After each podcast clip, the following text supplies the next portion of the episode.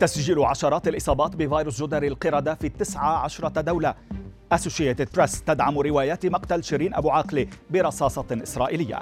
الشرطة الهولندية تستعين بتقنية التزييف العميق لحل جريمة قتل. أبرز أخبار الساعات الأربع والعشرين الماضية في دقيقتين على العربية بودكاست. في آخر المستجدات حول تفشي مرض جدر القرود أعلنت منظمة الصحة العالمية تسجيل 131 إصابة مؤكدة بالفيروس ورصد 106 حالات مشتبه بها في 19 دولة حول العالم. المنظمة الدولية أوضحت في بيان أنها لا تعتقد بأن تفشي جدر القرود خارج قارة أفريقيا يستدعي إطلاق حملات تطعيم جماعية. مشيرة إلى إمكانية احتواء هذا المرض.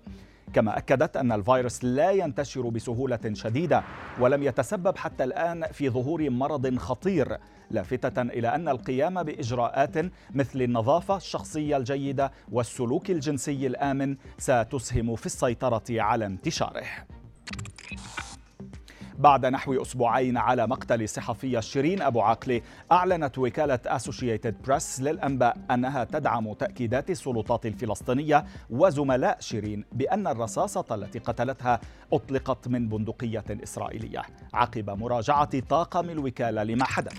الوكالة الأمريكية أوضحت أن مقابلاتها مع خمسة شهود عيان تؤكد ما توصل إليه تحليل أجرته مجموعة بيلينكات البحثية الهولندية.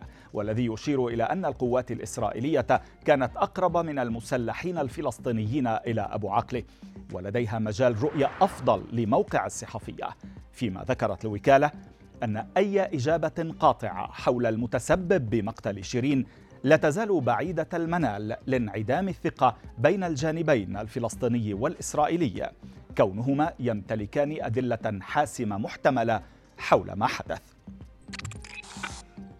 في خطوة قد تكون الأولى من نوعها في العالم استعانت الشرطة الهولندية بتقنية التزييف العميق أي ديب فيك بهدف حل جريمة مقتل مراهق وقعت قبل عشرين عاما من خلال حض الشهود على الإدلاء بمعطياتهم في القضية. الفيديو المركب الذي نشرته الشرطة يظهر فيه مراهق قتل بإطلاق نار في مرآب للسيارات تابع لمحطة مترو روتردام عام 2003 وهو يطلب من الناس معلومات وشهادات تفيد بحل لغز مقتله. فيما أعلنت الشرطة أنها حصلت على كمية من المعلومات بعد يوم على نشر الفيديو. إلى مصر هذه المرة حيث تمكنت الأجهزة الأمنية بوزارة الداخلية من ضبط سيدة هاربة من تنفيذ أحكام بالسجن عليها تصل لأكثر من 360 سنة. وسائل إعلام محلية أفادت بأن السلطات المتخصصة اعتقلت صاحبة شركة أدوية مقيمة بالقاهرة.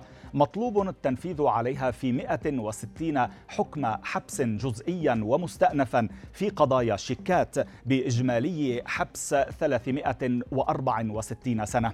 وغرامات مالية مستحقة بلغت 480 ألف جنيه أي ما يعادل 26 ألف دولار.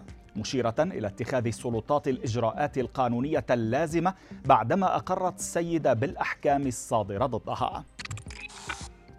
وفي خبرنا الأخير رفع زوجان من ولاية تكساس الأمريكية دعوى قضائية ضد شركة أبل بعد أن عانى طفلهما من فقدان دائم في السمع أثناء استخدام سماعاتها اللاسلكية AirPods صحيفة USA Today نقلت عن الزوجين قولهما إن تنبيه آمبر أو نظام التنبيه لاختطاف الأطفال في أمريكا انطلق بشكل مفاجئ وبصوت عال أثناء استخدام ابنهما للسماعات ما تسبب في تمزيق طبلة أذنه وإتلاف قوقعتها.